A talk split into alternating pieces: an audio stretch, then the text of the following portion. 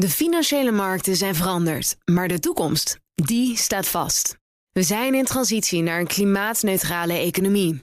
Dit biedt een van de grootste investeringskansen van onze generatie. Een kans voor u om mee te groeien met de pioniers van morgen.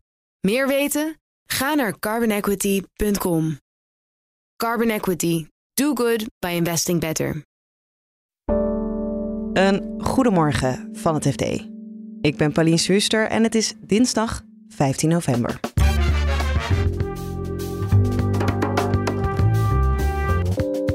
De Nederlandse techsector bereidt zich voor op de naderende recessie. Ja, het is de grote ontslaggolf die in Amerika al lang begonnen is. En die nu uh, ook aankomt in Nederland. Ja, als ik het zo zeg, klinkt het een beetje als Sinterklaas. Werkgevers beginnen de nadelen te zien van thuiswerken. Maar publiekelijk praten ze liever over de voordelen van kantoor. Oh ja, we hebben zo'n mooi kantoor en het gaat bij ons allemaal helemaal vanzelf. En uh, het is echt een en al Hosanna. Maar de verhalen die iedereen, of tenminste, ik denk heel veel mensen ook wel kennen, over de nadelen van dat thuiswerken, ja, die willen dus werkgevers niet delen. En je hoort van onze klimaatverslaggever hoe het is in Sharm el-Sheikh. Dit is de dagkoers van het FD. Met de aankomende recessie nadert er ook een ontslaggolf in de Nederlandse techsector. Over de volle breedte moeten er mensen vertrekken, vertelt techverslaggever Jan-Fred van Wijnen.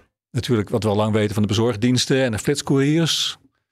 Maar bij die bedrijven, Gorilla's, Getir, daar, eh, daar verdwijnen wel veel couriersbanen. Maar dat, die rekenen we dan niet als arbeidsplaats, want ze zijn niet in dienst. Um, maar toch ook daar verdwijnen kantoorbanen, maar ook bij uh, bedrijven die in de, in de fintech sector uh, opereren. Of die diensten leveren aan de fintech sector. Uh, zoals, zoals MessageBird met zijn, zijn communicatiescherm. sorry, zijn systeem achter de schermen, wat jij nooit ziet als gebruiker. Maar waarmee bedrijven met hun klanten kunnen communiceren. Of SendCloud, groot, groot Nederlands bedrijf in, zit in Eindhoven heeft een, uh, softwareplatform dat transportbedrijven gebruiken, dat de logistieke sector gebruikt. Dat bedrijf heeft vorig jaar heel veel geld opgehaald. Ik zeg uit mijn hoofd 150 miljoen euro om flink te groeien. Dat ik aardig mensen gaan aannemen, maar nu uh, komt het moment dat ze mensen laten afvloeien. Er is geen deel van de, van de techsector die dit uh, bespaard blijft. Het is, de, ja, het is de grote ontslaggolf die in Amerika al lang begonnen is. En die nu uh, ook aankomt in Nederland. Ja, als ik het zo zeg, klinkt het een beetje als Sinterklaas. Het is het dus niet. Um, het is geen vrolijk nieuws. Maar in Amerika konden we het gewoon uh, van dag tot dag volgen. Daar, is, daar wordt heel anders gepraat over ontslagen en over hoe het gaat met bedrijven en of ze veel of weinig geld nodig hebben. Daar zijn grote websites die dat uh, nou ja, van, van dag tot dag turven. Hoeveel mensen worden er nu weer ontslagen bij welk bedrijf? Maar die sites werden ook of worden nog steeds gebruikt door bedrijven die personeel zoeken.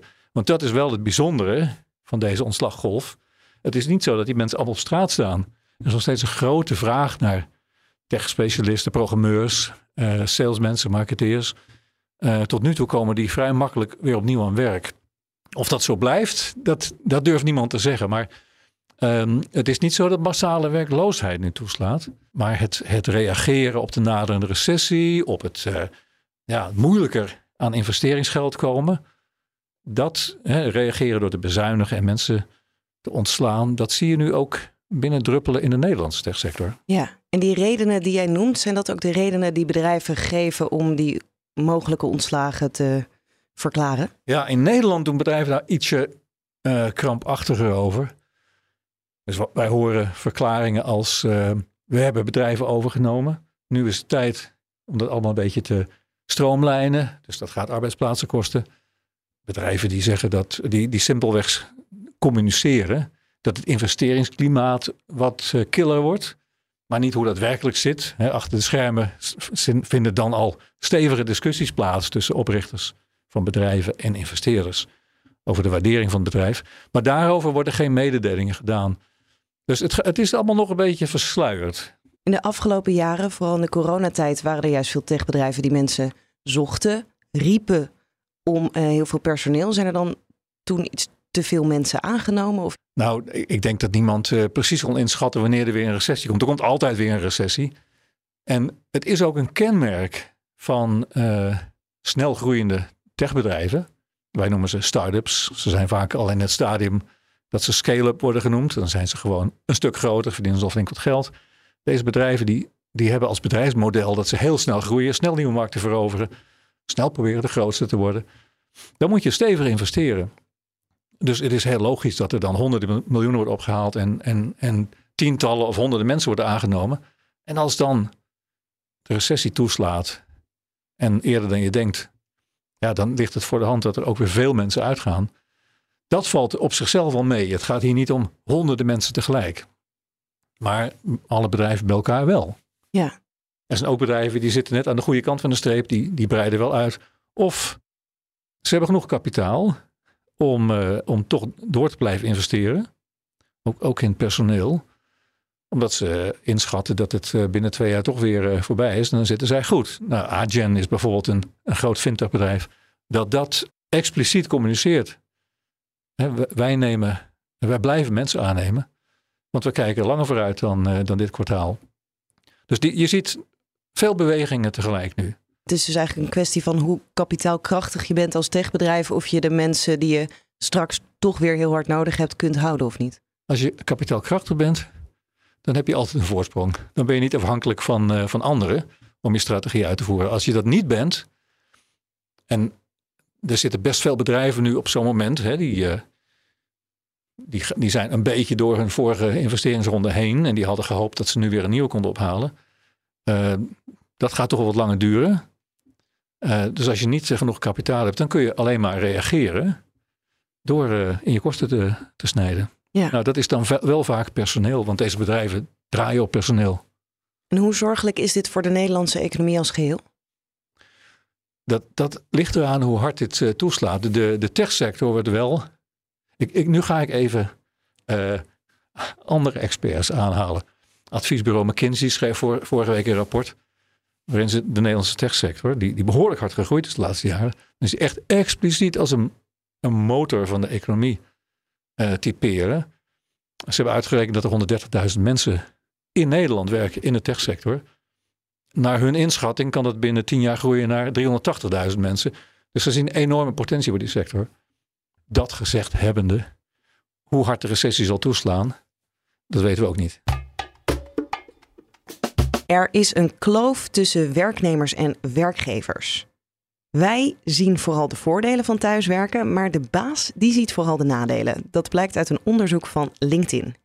Je hoort van onze arbeidsmarktredacteur Elfanie Toulaar waarom werkgevers jou zo graag terug willen naar kantoor. Ja, dat heeft te maken met uh, onzekerheid over de ja, economische tijden, over de krapte op de arbeidsmarkt en de werkdruk die als gevolg van die krapte weer toeneemt.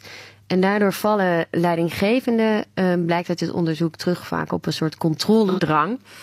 En willen ze meer zicht hebben op wat uh, die werknemers die uh, thuis aan het werken zijn aan het doen zijn. Ja, en 70% zegt dit onderzoek van LinkedIn, Nederlandse werkgevers die thuiswerken willen gaan beperken of nou ja, hybride functies terugbrengen. Dat was meer dan ik had gedacht. Ja, veel hè? Nou ja, dat valt dan weer onder te verdelen. Een deel uh, heeft het al teruggebracht of noemt het niet meer als arbeidsvoorwaarden. Een ander deel beperkt dan uh, flexibel werken in de zin van flexibele functies. Daar heb je er ook een heleboel van. Uh, binnen bedrijven. en een ander weer het thuiswerken. Maar uiteindelijk wil 70% inderdaad iets aan dat flexibele werken, in welke vorm dan ook doen. Ja. ja. Alleen de werkgevers durven dat dan weer niet in de krant te zeggen dat ze dat willen. Nee, wij hadden dus dit onderzoek toegestuurd gekregen. En dan denk je, nou interessant. En eerder was ik ook al met het onderwerp bezig. En dan zet je uh, oproepen op sociale media. En je vraagt rond. Ik heb echt uh, werkgeversverenigingen gebeld. Ik heb werkgevers benaderd. Hoe zit dit bij jullie? En dan krijg je soms zelfs via PR-bureaus of via andere uh, gladde mensen met mooie verhalen, krijg je dus inderdaad de positieve ervaringen met dat flexwerken. Uh, van, oh ja, we hebben zo'n mooi kantoor en het gaat bij ons allemaal helemaal vanzelf en uh, het is echt een en al Hosanna. Maar de verhalen die iedereen, of tenminste, ik denk heel veel mensen ook wel kennen, over de nadelen van dat thuiswerken, ja, die willen dus werkgevers niet delen. Nee. Je zou denken, we zitten in een krappe arbeidsmarkt. Dan kunnen werknemers ook wel nou ja, met de vuist op tafel slaan dat ze dit graag willen. Zie je dat ook of blijft dat toch lastig? Um, ja, dat kunnen ze natuurlijk. Wettelijk gezien uh, is er nog geen recht op thuiswerken. Er is wel een, een uh, wet daarvoor in de maak, maar die is nog niet door de Eerste Kamer. Maar um, dus dat kunnen ze natuurlijk doen, zeker nu, vanwege die krapte op de arbeidsmarkt. Maar um, ja, ik heb een Vlaamse hoogleraar gesproken, Lode Goderes, en die zegt. Uh, dat is zo. En die werknemers kunnen dat allemaal eisen. Van ik wil um, zoveel thuiswerken of uh, op tijden dat het mij uitkomt. Maar uiteindelijk moet je er wel het gesprek over aangaan. Want ja, uiteindelijk, hij noemde het, ik vond dat wel een mooie uitdrukking. Er moet wel mayonaise van gemaakt kunnen worden. En daarmee bedoelde hij, een leidinggevende geeft leiding aan een team. En vroeger was het zo dat het hele team kwam naar kantoor en dan werd het werk gedaan. En nu moet hij rekening houden met, met alle verschillende eisen. En dat is logisch en dat is ook heel fijn dat dat kan. Maar tot op zekere hoogte heeft de werknemer natuurlijk ook een verantwoordelijkheid ten opzichte van de rest van het team om bijvoorbeeld af en toe zijn gezicht te laten zien.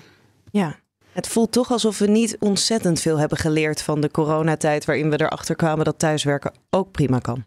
Nee, toen was er dus inderdaad, uh, blijkt, was er ook een soort van ontspanning. De werkdruk, het gevoel van stress is al jaren aan het toenemen. Maar tijdens corona was er ook stress, maar een ander soort stress. En ook een soort rust, omdat mensen hun werk en privéleven beter in balans hadden. En dat weten dus uh, we nu niet vast te houden. Dat zie je ook op de wegen. De files zijn weer terug van werk geweest. En zeker op dinsdag en op donderdag zijn de kantoren weer voller dan ooit. Dus ja, hoe die lessen uiteindelijk op lange termijn toch vorm kunnen krijgen. Zonder dat die uh, werkgever uh, helemaal in de stress schiet. Omdat hij niet weet wat de werknemer doet. Ja, dat, dat is dus nog echt een punt van discussie.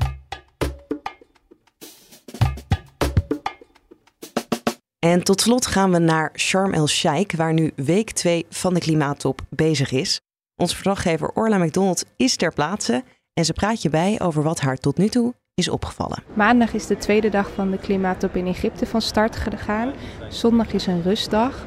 De delegaties hun even op adem kunnen komen. Al betwijfel ik of ze echt hun rust hebben gepakt. Want vandaag bleek dat een heleboel teksten op ambtelijk niveau nog niet waren afgerond. En dat betekent dat de ministers die altijd traditioneel in de tweede week komen om ergens een klap op te geven, eigenlijk vandaag niet aan het werk konden. Als er geen teksten liggen waar uh, de meest simpele dingen al uh, zijn afgekaart, dan kunnen zij niet verder. Eurocommissaris uh, Frans Timmermans, die de onderhandelingen namens de EU doet, die is hier wel vandaag. Uh, maar hij is gisteren aangekomen. Maar je kunt eigenlijk zeggen dat hij vandaag ja, een beetje voor spek en bonen hier rondloopt. Uh, al kan hij natuurlijk achter de schermen wel eh, mensen ontmoeten en uh, bilaterale gesprekjes hebben. Maar ja, hij kan niet echt door met, ehm, met dat wat echt belangrijk is. Um, sowieso ligt de EU onder vuur, dat merk je erg. Um, er wordt door ja, ontwikkelingslanden, uh, opkomende economieën ook wel gezegd dat de EU um, ja, weer minder doet aan het klimaat. Dat ze eigenlijk terugkrabbelen van hun eerder zulke ambitieuze beloftes. Dat komt door de energiecrisis. Uh, ja, de kolencentrales die uh, staan weer harder te draaien in Europa. Om de energierekening nog enigszins betaalbaar te houden. Maar daar wordt de EU hier wel heel erg op aangesproken, merk ik. Uh, zowel Frans Timmermans als ook zijn kabinetschef Diederik Samson moesten vandaag echt aan de bak in praatjes en speeches om mensen te overtuigen dat de EU nog steeds wel ambitieus bezig is. Een ander initiatief dat vandaag is gelanceerd, dat wel interessant is, is het Global Shield, een initiatief van Duitsland. Het is eigenlijk een soort mechanisme voor verzekeringen voor ontwikkelingslanden. Mocht daar een uh, natuurramp uh, gebeuren uh, die het gevolg is van de opwarming van de aarde, dan kunnen deze landen wat makkelijker een verzekering krijgen. Duitsland steekt er 170 miljoen euro in, Denemarken en Ierland samen 40 miljoen. En Nederland uh, overweegt uh, 20 miljoen. Uh, zei minister voor ontwikkelingssamenwerking Liesje Schijnemacher vandaag tegen mij. overweegt 20 miljoen omdat ze nog niet helemaal zeker weet of dat het daadwerkelijke bedrag wordt. Het valt in ieder geval binnen de 1,8 miljard die Nederland eerder al toe heeft gezegd voor klimaatfinanciering.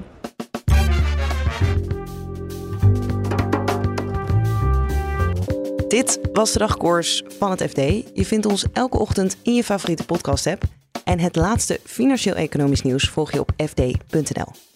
Nog een hele fijne dag en graag tot morgen.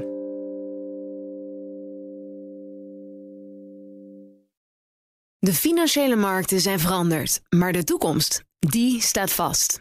We zijn in transitie naar een klimaatneutrale economie. Dit biedt een van de grootste investeringskansen van onze generatie. Een kans voor u om mee te groeien met de pioniers van morgen. Meer weten? Ga naar carbonequity.com. Carbon Equity. Do good by investing better.